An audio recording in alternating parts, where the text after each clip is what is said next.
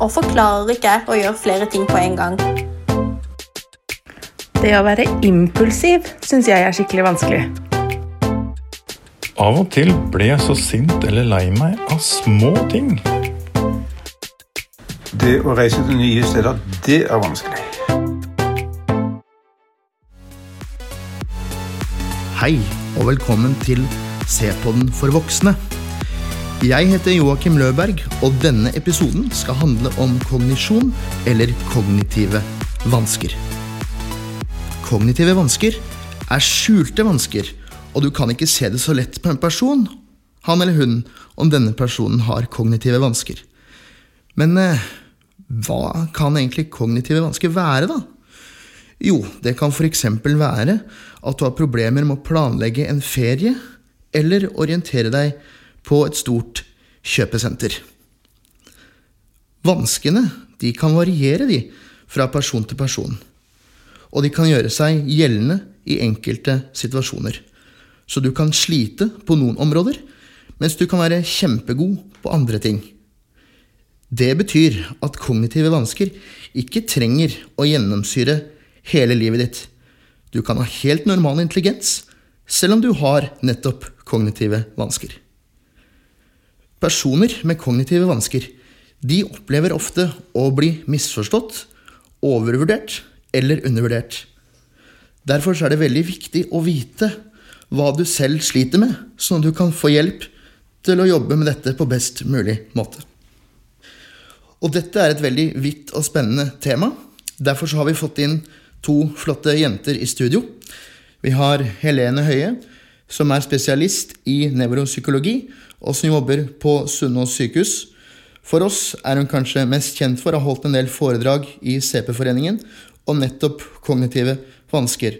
Hun har møtt mange voksne unge med CP som har nettopp kognitive vansker. Helene er opptatt av hvordan vi kan forstå kognitive utfordringer hos personer med CP, og ikke minst hvordan vi kan tilpasse oss dette og leve best mulig med disse vanskene. Så har vi også Stine Dybvik, som er ung voksen med CP. Hun har ledet CPU, som er ungdomsnettverket i CP-foreningen. Hun er jurist og har en 100% stilling. Og Stine har noen kognitive vansker selv, og er opptatt av å fjerne stigma som ligger rundt nettopp dette begrepet, og øke forståelsen med kognitive vansker. Hun har også holdt en del foredrag om dette, bl.a. for Hjernerådet. Men Helene, for å starte med deg. Hva er de typiske kognitive vanskene vi med CP sliter med? Det som er vanligst, selv om det er store forskjeller fra person til person, så er det det som gjelder tempo når noe skal gå fort. Det kan være med oppmerksomhet. For det andre med rom-retning. Og ikke minst det som gjelder det vi kaller eksekutiv funksjon. Og det har noe med hvordan vi styrer atferden vår. Og det har med fleksibilitet å gjøre, og planlegging og organisering. Mm. Jeg kjenner meg jo mye igjen i det du nevner der, da, Helene. For eh, jeg har jo kognitive vansker selv, og har hatt det egentlig hele livet. Eh, men eh, da jeg var liten, så var det ikke så veldig godt å forstå at det var akkurat det jeg hadde. Men jeg slet veldig med å holde oversikt over situasjoner. Alt var veldig rotete inni hodet mitt, og jeg klarte ikke helt å holde orden på ting som skjedde. Så jeg misforsto ofte ting som eh, ble sagt, og jeg brukte veldig mye energi på bare det å forstå. Og da jeg var liten, så spurte jeg alltid eh, Er det mitt glass? Er det min tallerken? Er det min kniv? Er det min gaffel? Ved middagsbordet. Og det er jo en litt sånn uvanlig ting da, eh, å spørre om. Men foreldrene mine skjønte etter hvert at jeg gjorde det ikke for å irritere. Det måtte være en grunn til at jeg spurte. Eh, så det viste seg da at jeg hadde veldig omfattende problemer med rom- og retningssans. Og det er noe jeg sliter med i dag også. Mm. Og det er ganske vanlig, altså. Hvordan har, har du merket det oppover eh, altså gjennom det å bli eldre? Hvordan er det å finne frem på nye steder for deg nå, Stine? Det er, eh, det er, fortsatt veldig veldig vanskelig, men etter hvert som jeg ble eldre, så har jeg lært meg noen teknikker da, som eh, skulle gjøre det litt enklere for meg. Eh, da jeg var student, f.eks., så brukte jeg veldig mye tid på å f.eks. oppsøke det stedet hvor jeg skulle ha forelesninger, før selve forelesningsdagen. Mm. Så jeg gikk altså frem og tilbake til det lokalet, sånn at jeg var sikker på at når jeg faktisk skulle ha en forelesning, så kom jeg til å finne fram i tide. Du kan jo si at Det er jo ikke så veldig effektiv bruk av tid, men det gjorde i hvert fall at jeg slappet mer av, og jeg ble, ble roligere. Og nå i dag så er det jo veldig vanlig å bruke GPS på mobilen.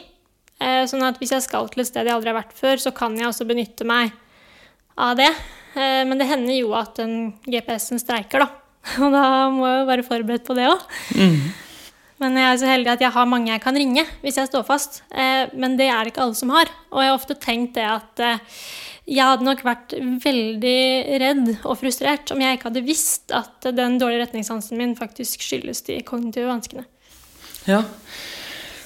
Og når man har rom retningsvansker, så kan jo det være eh, flere ting som påvirker det. Men noe som uh, vil være ganske vanlig, da, det er uh, kanskje noe som du beskriver også, det er at det er vanskelig å lage et indre kart av det stedet man befinner seg på, eller skal til, reise til, f.eks.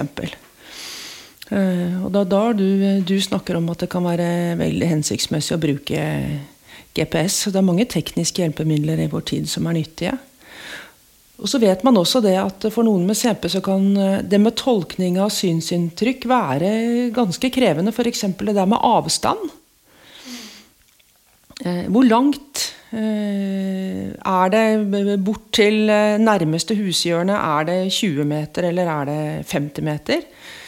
Og til og med for noen så kan det der å, å, å oppleve dybde, f.eks. hvis man skal gå i trapper, også være litt plundrete. Som gjør at man trenger litt ekstra god tid. Har du noe forslag til eh, noen andre ting man kan gjøre for at eh, det skal bli enklere?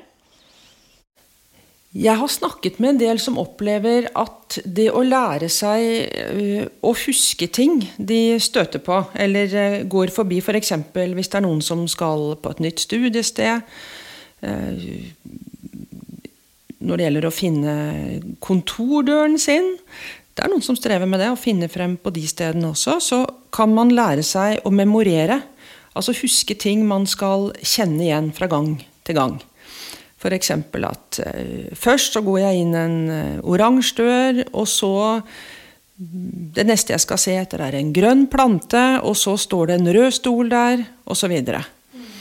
At man nærmest kan pugge seg eh, en løype ut ifra eh, kjennetegn og ting som er plassert eller står i omgivelsene. Mm. Jeg kan jo skrive under på det at eh, det å faktisk slite sånn ordentlig med eh, retningssansen, det er ikke så veldig enkelt. Fordi jeg får ofte den tilbakemeldingen at 'Å ja, du har dårlig retningssans'. Ja, det har jeg også. Og så tenker jeg sånn at ja, det har du også, men det er kanskje ikke helt på på samme nivå. da. For det er nettopp det som du sier med bare det å finne kontordøra kan være vanskelig. Eh, og sånn, sånn, er det for meg også. Og jeg føler meg utrolig dum eh, hvis jeg er på et nytt sted og bare sånn Ja, hvor var egentlig kontoret mitt igjen? Og særlig hvis bygget er litt sånn lite hensiktsmessig utformet, så kan jeg ende med å gå til høyre sånn konsekvens, selv, selv, om jeg egentlig skal gå til venstre. Og at jeg gjør det gang etter gang, selv om jeg egentlig vet veien, da. Ja, ikke sant? Mm. Men hvordan var det for deg da Første gangene du tok offentlig kommunikasjon for å lære deg eller skulle til et eller annet sted, var det noe du måtte øve deg på? Har du noen tips der, Stine? Ja, altså nå tar jo jeg veldig mye taxi, da. sånn at jeg tar jo ikke så veldig mye sånn T-bane og trikk og sånn, og det er jo nettopp fordi at det er så utrolig krevende. Eh, men det jeg gjorde da jeg skulle bli kjent i Oslo sentrum, som jo er min by, var at moren min og jeg vi dro på byvandring, da, rett og slett. Sånn at vi, vi gikk i alle de gatene som jeg skulle gå i alene. Sånn at jeg skulle bli mer kjent da, og føle liksom en tilhørighet til de områdene som jeg skulle bevege meg i. Og det, det, har fungert veldig godt for meg. Så det er sånn, hvis jeg skal til et nytt sted som er litt mer utenfor min generelle allfarvei, så må jeg planlegge og sette meg litt inn i hvor det er jeg faktisk skal, da. eh, på forhånd, sånn at jeg har en plan. Å bruke Google Maps og se hvordan det ser ut utenfor og sånn, kan også være et eh, tips, da. Ja, Så du erfarer at forberedelser, gode forberedelser er alfa og omega? Absolutt. Og det gjelder egentlig hele livet mitt, da. Og så nevnte vi også noe med sånn innledningsvis vanlige kognitive utfordringer ved CP. Tempofun altså tempofunksjoner. Og det kan dreie seg om hvor raskt man oppfatter noe som skjer eh, rundt seg. Eh, men det kan også være tempo når det gjelder å løse ulike oppgaver man eh, holder på med selv. Hvordan opplever du det, Stine? Altså, jeg har jo alltid vært veldig treig. Eh, det er ikke noe hemmelighet. Så jeg har, jeg har brukt veldig lang tid på å lære meg nye ting, og det gjør jeg fremdeles.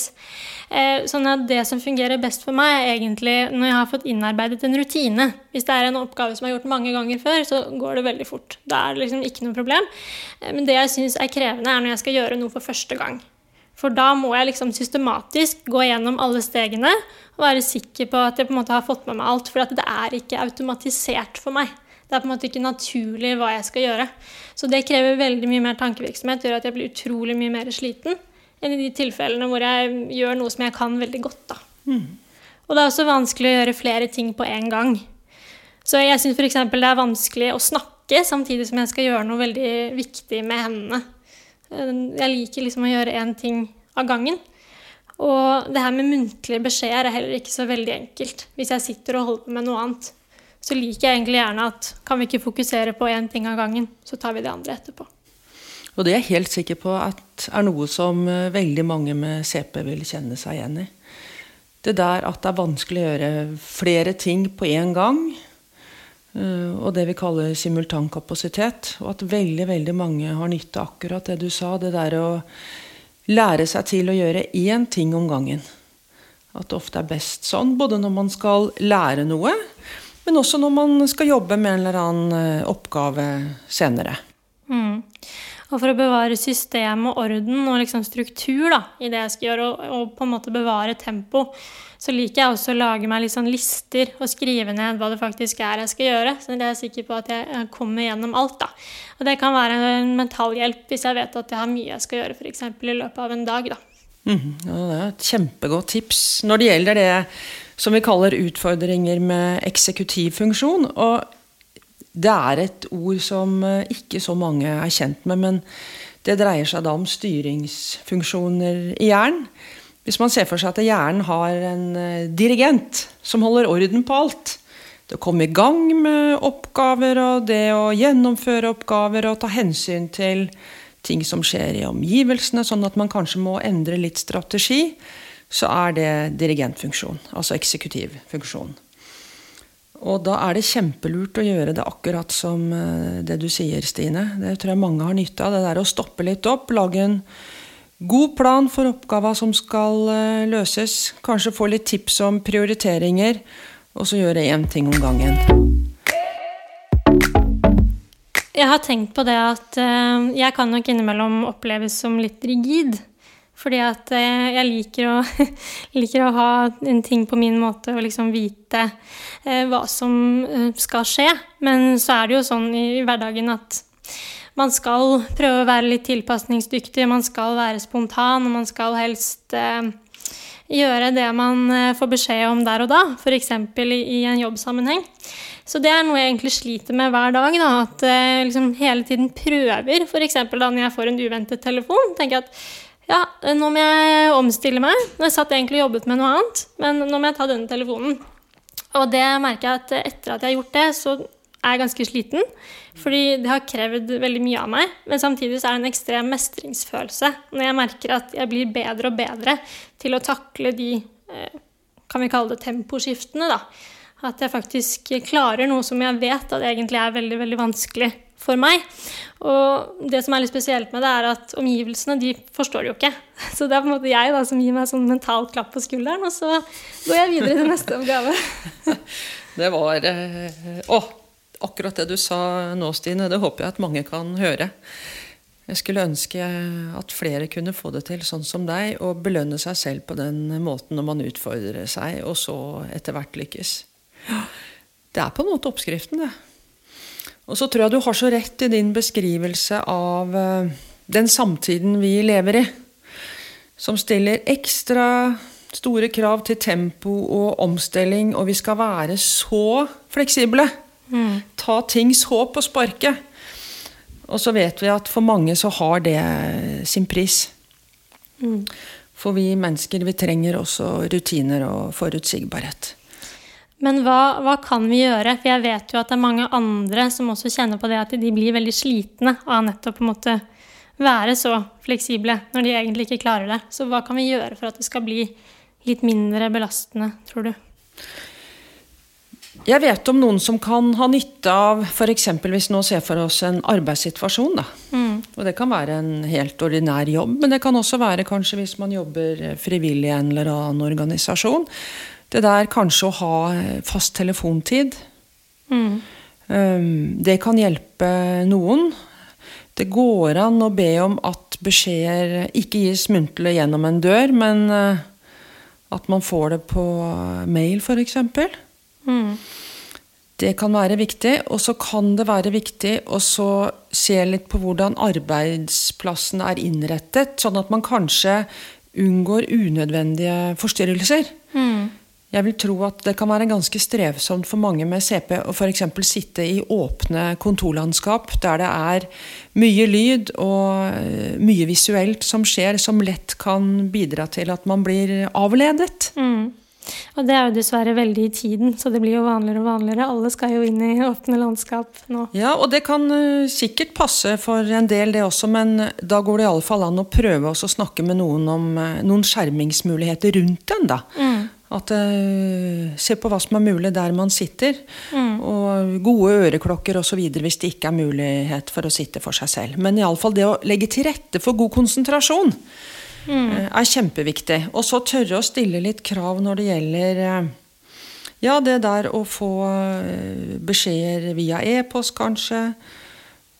Og si fra når man kanskje skal lære seg nye arbeidsoppgaver at Vet du hva, sjef, jeg trenger litt ekstra god tid på å lære meg nye oppgaver.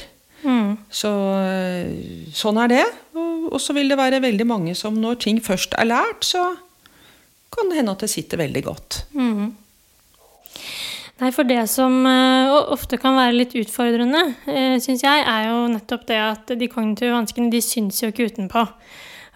Jeg sitter jo i rullestol, og det, det ser jo alle. Eh, men for å være ærlig så er det et mye mindre problem for meg i min hverdag enn det faktum at eh, jeg har kognitive vansker. For det er jo som du sier at eh, ja, man kan jo eh, forklare det, ikke sant? At eh, man faktisk trenger litt grann, eh, at ting blir tatt hensyn til. Eh, men jeg har opplevd at selv om jeg på en måte har prøvd å si fra, eh, så blir jeg ikke helt trodd. Og det tror jeg kanskje kan være noe som er et problem for mange som sliter med det som ikke er synlig. Fordi at man tilsynelatende eh, klarer seg så bra, da.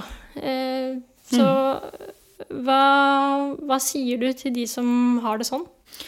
Jeg tror vi må jobbe med å øke kunnskapen på feltet. For det er jo kanskje sånn at noen tror at hvis man sier at ja, jeg har kognitive vansker, så betyr det at man eh, generelt strever med kognitive vansker. Det vil si har generelle lærevansker eh, på en måte som gjør at evnenivået kanskje ikke er så veldig godt. Eh, og det er en myte. For når vi sitter og snakker om kognitive vansker her, så snakker vi mer om spesifikke kognitive vansker. Og kognitive vansker er så mye mer enn et rent evnenivå. Det kan være rom, retningssans, sånn som vi snakker om nå. Det kan være det å ta de raske skiftene i situasjoner og den eh, fleksibiliteten som eh, ja, eh, vi mener da. Og det kan være aspekter ved oppmerksomhet. Eh, Så jeg tror det er nyttig at vi fortsetter å snakke om det, og eh, også forteller arbeidsgivere om det, og de behovene man har for eh, noen justeringer i løpet av arbeidsdagen. Og når det gjelder hva slags oppgaver man skal få, kanskje litt hjelp til å organisere og prioritere. Mm.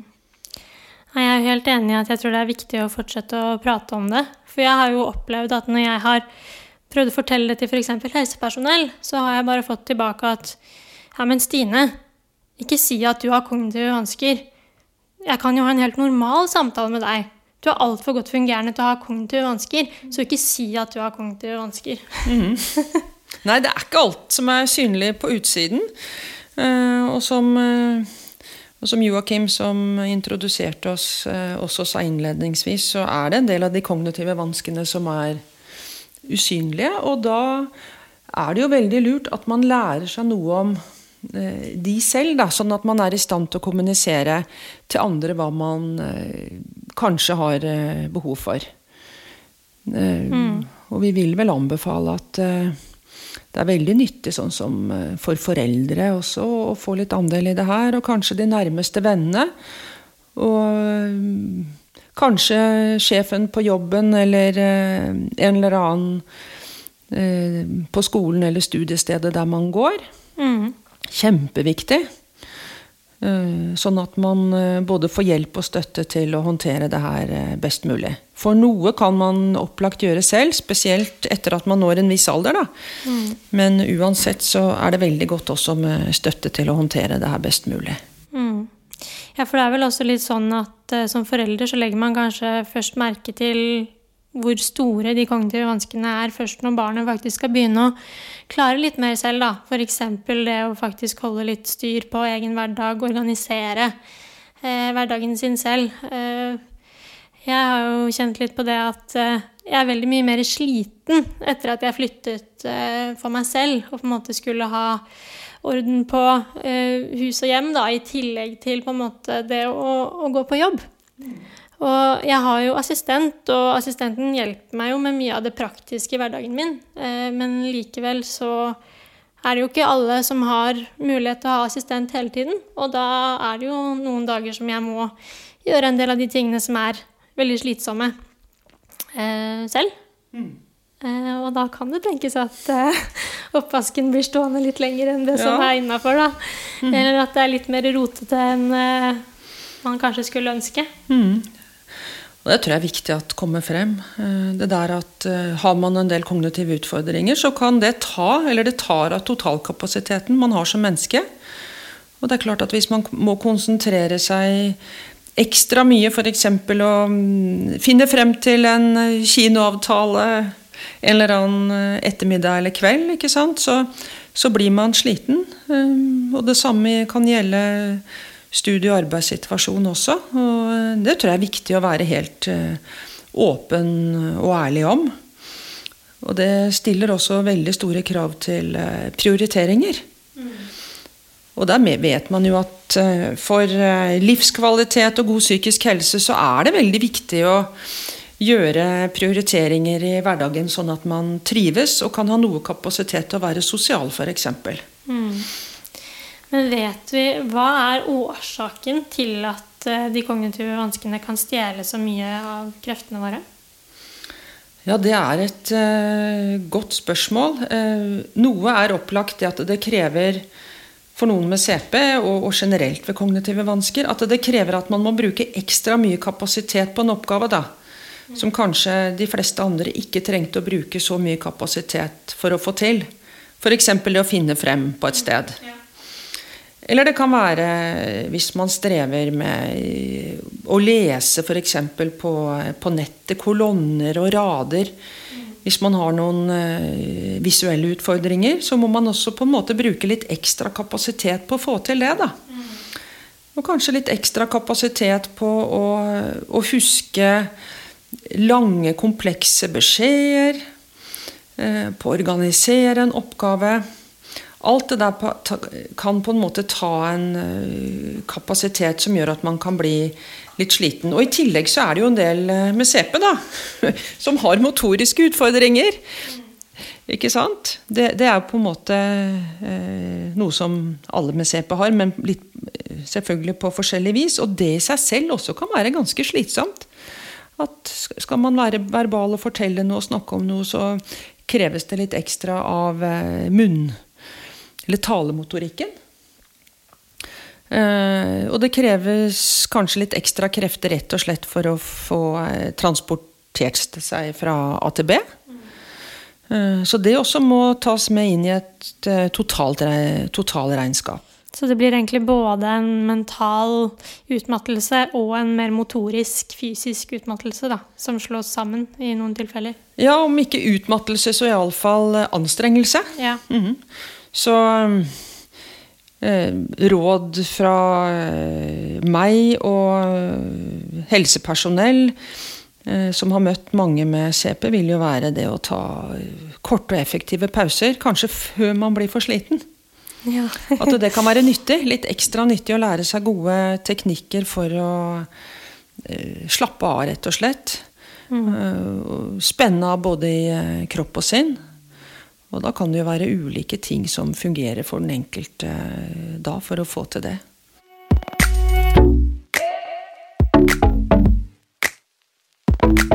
Det er klart det at Det med ut Jeg sa utmattelse fordi at eh, for meg så føles det ofte eh, som en utmattelse. Altså hvis jeg har brukt hodet hele dagen f.eks. og gjort veldig mange av disse eksekutive oppgavene som vi snakket om, eh, så kan jeg være så sliten at det eneste jeg egentlig vil, er å, lukke øynene og, og sove. Em, og det er en sånn følelse som jeg egentlig ikke har kjent så veldig mye på før jeg ble voksen nå. Em, Og det er, eh, det er nok mange som kjenner seg igjen i. Og det er jo kjent at noen eh, utvikler Og det kan skje fra man er ung, ung voksen, det altså. Um, uh, ja, noen plager knytta til det med trøtthet, som på en måte ikke nødvendigvis går helt over om man sover.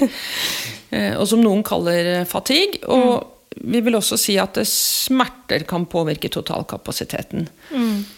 Så da, hvis det er mennesker som har det på den måten, så er det lurt å ta en prat med fastlegen og eh, undersøke litt om det er noe som kan gjøres.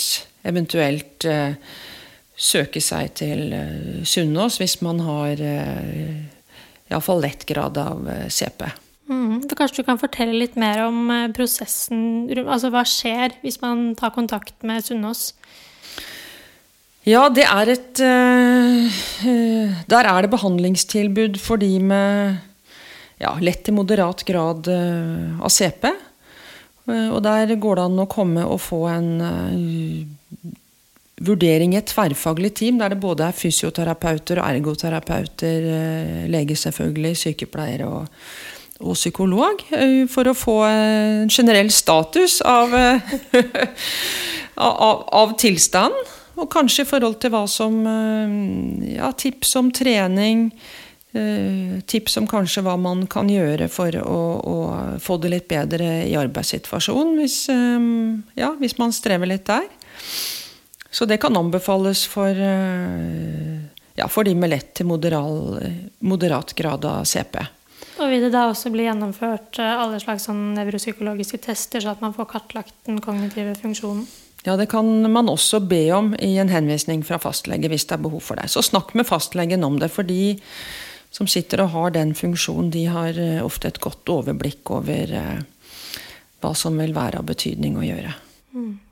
Så hvis det er sånn at jeg da kommer til Sunnaas, da, og så blir jeg utredet, og så får jeg da resultatene. Og så er ikke de resultatene av disse nevropsykologiske testene akkurat sånn som jeg så for meg, da. Eh, hvem er det på en måte som eier resultatet? Jeg skjønner jo at det selvfølgelig er pasienten, men hva er det som blir gjort med det, det resultatet?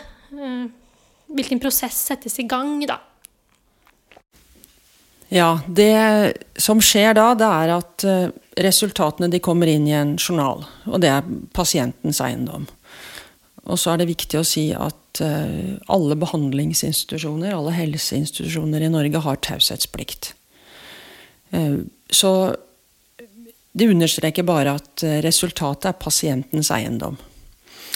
Og så vil jeg tenke at i alle gode nevropsykologiske undersøkelser så tester man på den måten at man får frem en profil. Og det vil si at man tester såpass mye og såpass lenge at det kommer frem både det som man kan anta er eh, pasientens, og nå sier jeg pasient, for nå snakker vi om Sunnaas, eller personens utfordringer knytta til eh, kognitive. Og da kan det være innenfor alle de delområdene vi har snakket om så langt i dag, og, flere også. Men vi tester også såpass mye at uh, vi vil få en profil som også innebærer ressursene.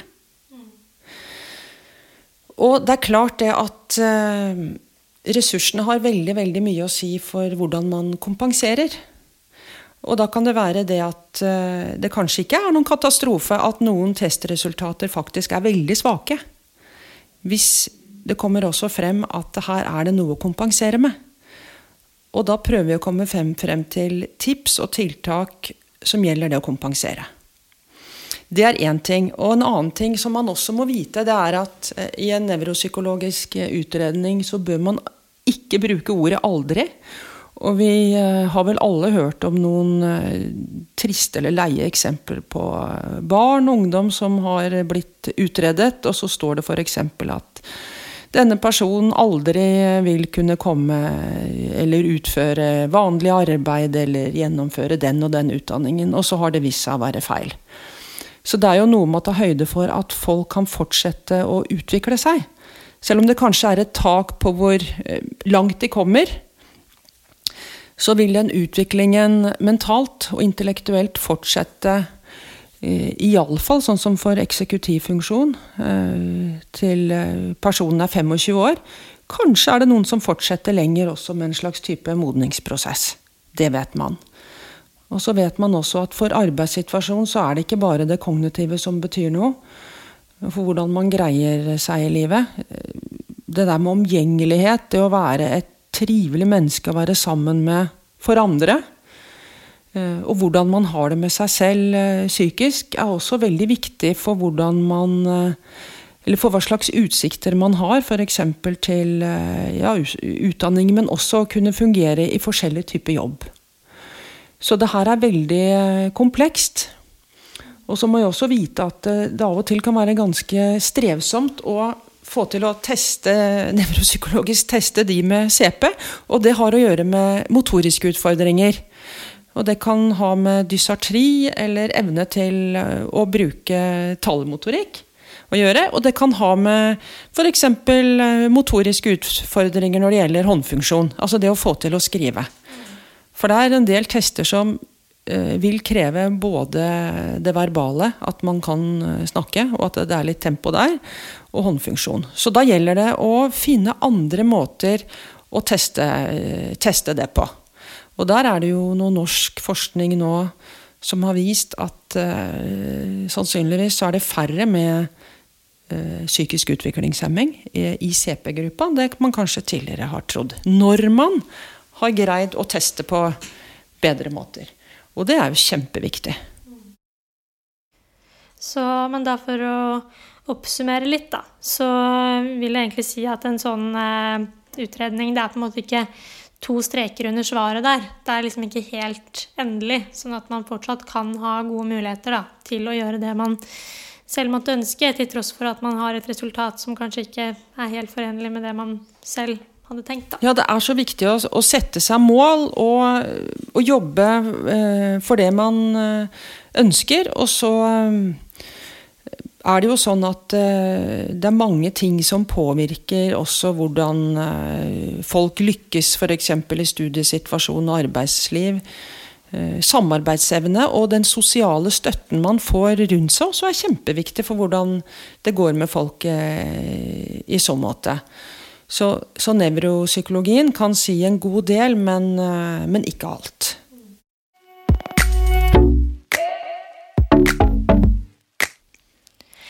Jeg eh, snakker jo med en del eh, unge med CP, og også en del eh, foreldre. Og i den forbindelse så lurte jeg på dette her med følelsesmessig eller emosjonell kontroll og kognitive vansker. For det er ikke noe som jeg egentlig har slitt så veldig mye med selv, men jeg har merket at hvis det er i situasjoner som jeg er veldig sliten, mm -hmm. så kan reaksjonene mine bli uforholdsmessig sterke. Jeg kan bli sånn virkelig sint uten at det egentlig er noe særlig grunn til det. Og det er da særlig noen familiemedlemmer da, som er flinke til å, å trigge det. Mm -hmm. kan du si noe om hva som er årsaken til det, og hva man eventuelt kan gjøre med det? Mm, jeg vil starte med å si at jeg tror det er veldig vanlig for alle mennesker, uansett diagnose, å kjenne på det fenomenet du sier, at er man sliten, og kanskje har sovet lite, og ikke spist eh, på en lang stund, så vil de fleste ikke ha eh, så godt filter i forhold til det emosjonelle. Det vil si at man lettere kan bli både lei seg og, og irritert, f.eks. Eh, men det er et veldig interessant spørsmål du har der, Stine. For jeg også har møtt flere unge voksne og voksne med CP som beskriver det du beskriver. At de stusser litt over at de kanskje ikke har så god emosjonell kontroll bestandig som de skulle ønske, og at det kan bli litt plundrete sosialt. ikke sant? At det er noen som kan oppleve at eh, hvis de snakker om noe som gjør de triste eh, eller eh, irriterte, så kan den reaksjonen de får, bli uforholdsmessig eh, voldsom da, i forhold til situasjonen. På en måte som uh, de opplever at uh, altså andre mennesker rundt dem kan synes det er litt rart. Eller ikke helt vite hvorfor det, og kanskje bli litt lei seg, de også. Og jeg vet at det var en person som sa til meg at det er omtrent som å stå oppe på en bakketopp, og jeg er en lastebil. Og så er det ikke gode bremser på den lastebilen, og så begynner den lastebilen å trille ned bakken ikke sant? Man kan tenke at det da har blitt utløst en eller annen sterk følelse. Gråt, f.eks. Og så sa vedkommende at da må den lastebilen på en måte bare få kjørt ned bakken, og så vil jo den bakken en eller annen gang stoppe. Men den lastebilen må bare få lov til å kjøre ned, helt til den stopper av seg selv. Og så går følelsen over. Uh, og det er en beskrivelse som jeg har hørt at flere kjenner seg igjen i. Uh, og av og til så kan det bli aktivert også noen kroppslige uh, uttrykk samtidig. ikke sant? armer og bein også som kan begynne å bevege seg litt på en måte som kan bli litt plagsom for noen. Så jeg tror det viktigste er bare å være klar over at ja, sånn kan det være. Og så at kanskje den personen som uh, har det sånn, sier fra til omgivelsene at vet du hva, nå må jeg bare få gråte ferdig. Og det er ikke så alvorlig. Eller nå må jeg bare få reagert ferdig. Og ikke bry dere så om det her. Ja, for det har jeg også opplevd at liksom, tårene har liksom bare begynt å trille, ja. og så har jeg, har jeg, ikke klart å, mm. å, stoppe dem før lenge etter at det egentlig ja. var ferdig. Ja. ja.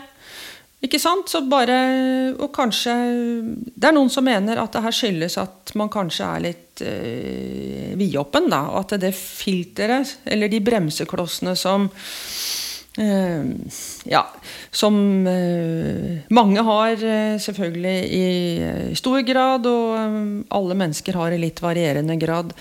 At det kanskje er noe der som ikke er på en måte helt tipp topp og som spesielt viser seg i situasjoner der man er eh, sliten. Så eh, rådet mitt vil være å, å, å, bare være litt åpen om det her til omgivelsene og si at det her er ikke så farlig. Ikke, ikke bry dere så mye om det her. Gir det litt gjenklang til deg eh, i forhold til hvordan du har det, og har erfart at andre har snakket om det, Stine? Jeg tror at det kan bidra til å ta litt brodden av det, sånn at det blir litt ufarliggjort. Mm -hmm. Eh, jeg tror egentlig mye av mystikken, i hvert fall rundt CP-diagnosen, ligger liksom i det at vi ikke prater nok om at det faktisk er en, en hjerneskade. Det har vært for mye fokus på den motoriske siden av egentlig eh, diagnosen. da. Og for meg i hvert fall, personlig så hjelper det veldig å kunne vite det at jeg har faktisk en hjerneskade. og det gir eh, noen forskjellige utslag, men det er ikke synonymt med at jeg er dum. Eh, men det at jeg på en måte vet at hjerneskaden kan gi en del eh, ting som folk rundt kanskje ikke forstår, det er på en måte en trygghet, og det er en styrke, da.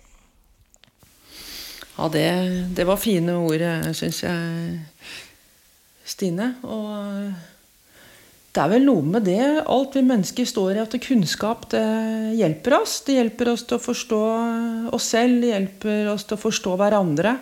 Og finne løsninger og tiltak som gjør at vi mestrer mye, mye mer og har det mye, mye bedre med oss selv og hverandre enn det vi ellers hadde hatt og gjort. Mm. Jeg tror også at eh, alt det usynlige kan gi så mange sånne uforløste følelser, da. Som det er veldig vanskelig egentlig å nøste opp i, om man ikke kan være litt mer sånn åpen og, og raus rundt det. Fordi at eh, vi har så mye bagasje i hverdagen ellers, og det gjelder jo egentlig alle mennesker, uavhengig av om vi har en diagnose eller ikke. Uh, så ja. Jeg ble veldig filosofisk her nå, men ja.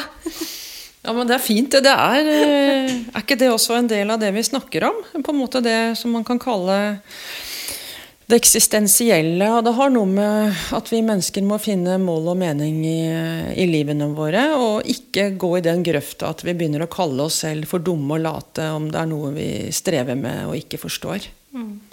For det hjelper ingen. Nei, det er faktisk helt sant. Mm.